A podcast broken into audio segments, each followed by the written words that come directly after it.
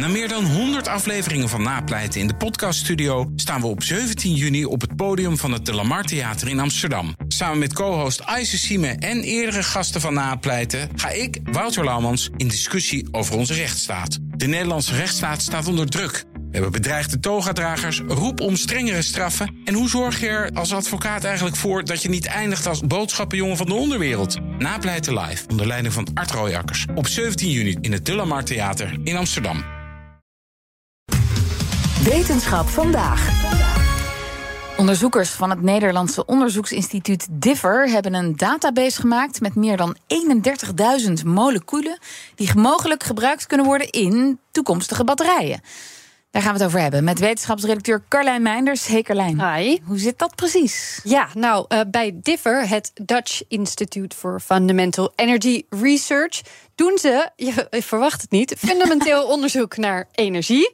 Uh, hoe kun je energie vangen, opslaan, gebruiken? Wat zijn duurzame bronnen? Wat zijn duurzame toepassingen?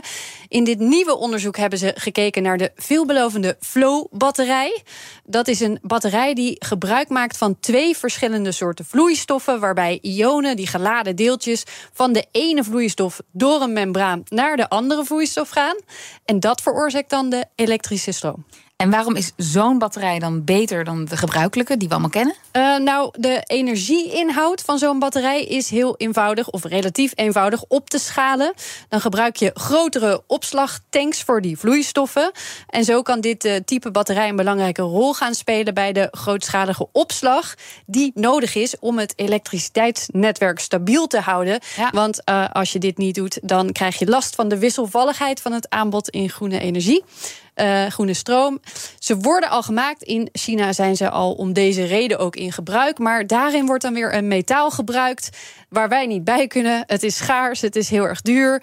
De Rijksuniversiteit Groningen kwam dit jaar al met iets nieuws. In plaats van dat metaal werken met een organisch molecuul voor die opslag. Daar zijn ze op het moment nog mee bezig. Dat was dus al heel erg mooi. Maar het zou ideaal zijn als er gewoon een database was, dachten de onderzoekers van Differ. Met daarin alle moleculen die mogelijk interessant zijn voor dit type energieopslag. Moleculen waarmee je dan misschien toch weer minder grote opslagtanks nodig hebt.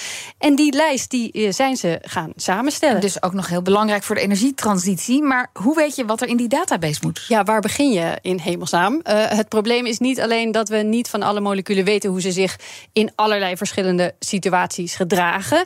We kennen ook lang niet alle eigenschappen van alle moleculen. Je kunt er een uh, chemisch lijstje bij pakken en dan één voor één experimenten gaan doen. Wat gebeurt er als ik dit doe met deze molecuul of als ik dit toevoeg? Maar tegen de tijd dat je daarmee klaar bent, is de energietransitie met een beetje geluk al voorbij. dus dat moet gewoon veel Anders. sneller. Ja. ja. Nou, klinkt als heel veel werk. Kan iedereen die database ook inzien? Ja, uh, uh, misschien eerst goed om even uit te leggen hoe ze dat zonder experimenten hebben uh, gedaan.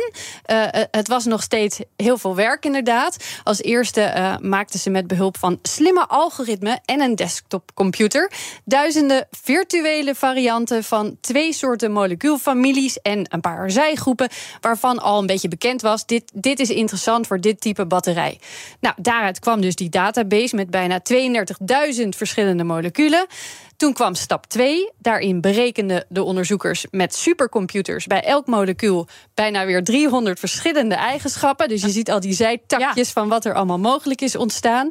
In stap 3 gebruikten de onderzoekers machine learning, kunstmatige intelligentie, om onder andere te voorspellen of de moleculen oplosbaar zouden zijn in water. Want dat is een belangrijk vereiste voor die flow-batterijtechniek. Dat is allemaal nog een keer gedubbelcheckt. Klopt dat allemaal wel wat eruit komt? En als laatste moest er ook natuurlijk gewoon een nette database worden gebouwd. Die voor iedereen in te zien was. Uh, um, voor al die moleculen en hun eigenschappen dus. En kan iedereen die database dan ook inzien? Ja, ja het is open science, vertelt Suleiman R., hoofdonderzoeker van dit project. Het is niet alleen voor ons, maar uh, we maken de database uh, publiek. Daarom het is belangrijk dat andere onderzoekers ook kunnen bijvoorbeeld de moleculen kopen direct kopen of maken na, na de onderzoeken. En ook andere onderzoekers kunnen ook de database gebruiken om hun uh, machine learning modellen te verbeteren. Ja, maar kan het dan ook zo zijn dat een onderzoeker van buitenaf zegt: ja, haal die molecuul er maar uit, want ik weet al dat die niet werkt? Ja, ja zeker. Dat, dat hopen ze eigenlijk ook wel een beetje dat die database blijft verbeteren. Dankzij de hele community dan.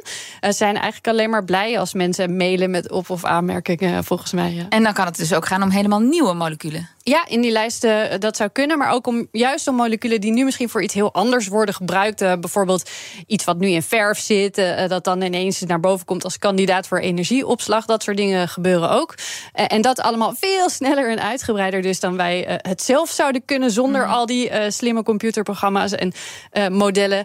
Daarnaast kan dit ook in andere onderzoeksvelden natuurlijk interessant zijn. voor medicijnenonderzoek onder andere. Maar ook met deze specifieke database gaan ze nog verder. De volgende stap is uh, om de stabiliteit en oplosbaarheid van de moleculen te testen in een echt chemische lab. Uh, het is belangrijk voor de validatie van onze modellen maar ook testen van de moleculen. Echt, ze zijn uh, gebruikbaar of niet in de redoxflow-batterij. En als dan blijkt dat maar een paar procent van die moleculen, van die 32.000 moleculen, ook echt werkt, dan zijn ze toch nog steeds blij. Want eentje die precies doet wat het moet doen, dat is eigenlijk gewoon genoeg. En uh, ik vroeg ook nog: is dit een beetje een leuke baan? Eigenlijk zeiden ja, we mogen nieuwe dingen die niet bestaan ja. ontwikkelen met de allerbeste technieken die er zijn ter wereld. Dus ja, ze genieten heel erg van hun werk. En dat kan ik me eigenlijk wel heel goed voorstellen. Ja, monnikenwerk, maar wel heel nuttig. En met Veel werk, ja, maar wel met een mooie uitkomst. Hopelijk. Zeker. Dankjewel, Carlijn Meinders. Wetenschap vandaag is mede mogelijk gemaakt door Brightlands. Knowledge Crossing Borders.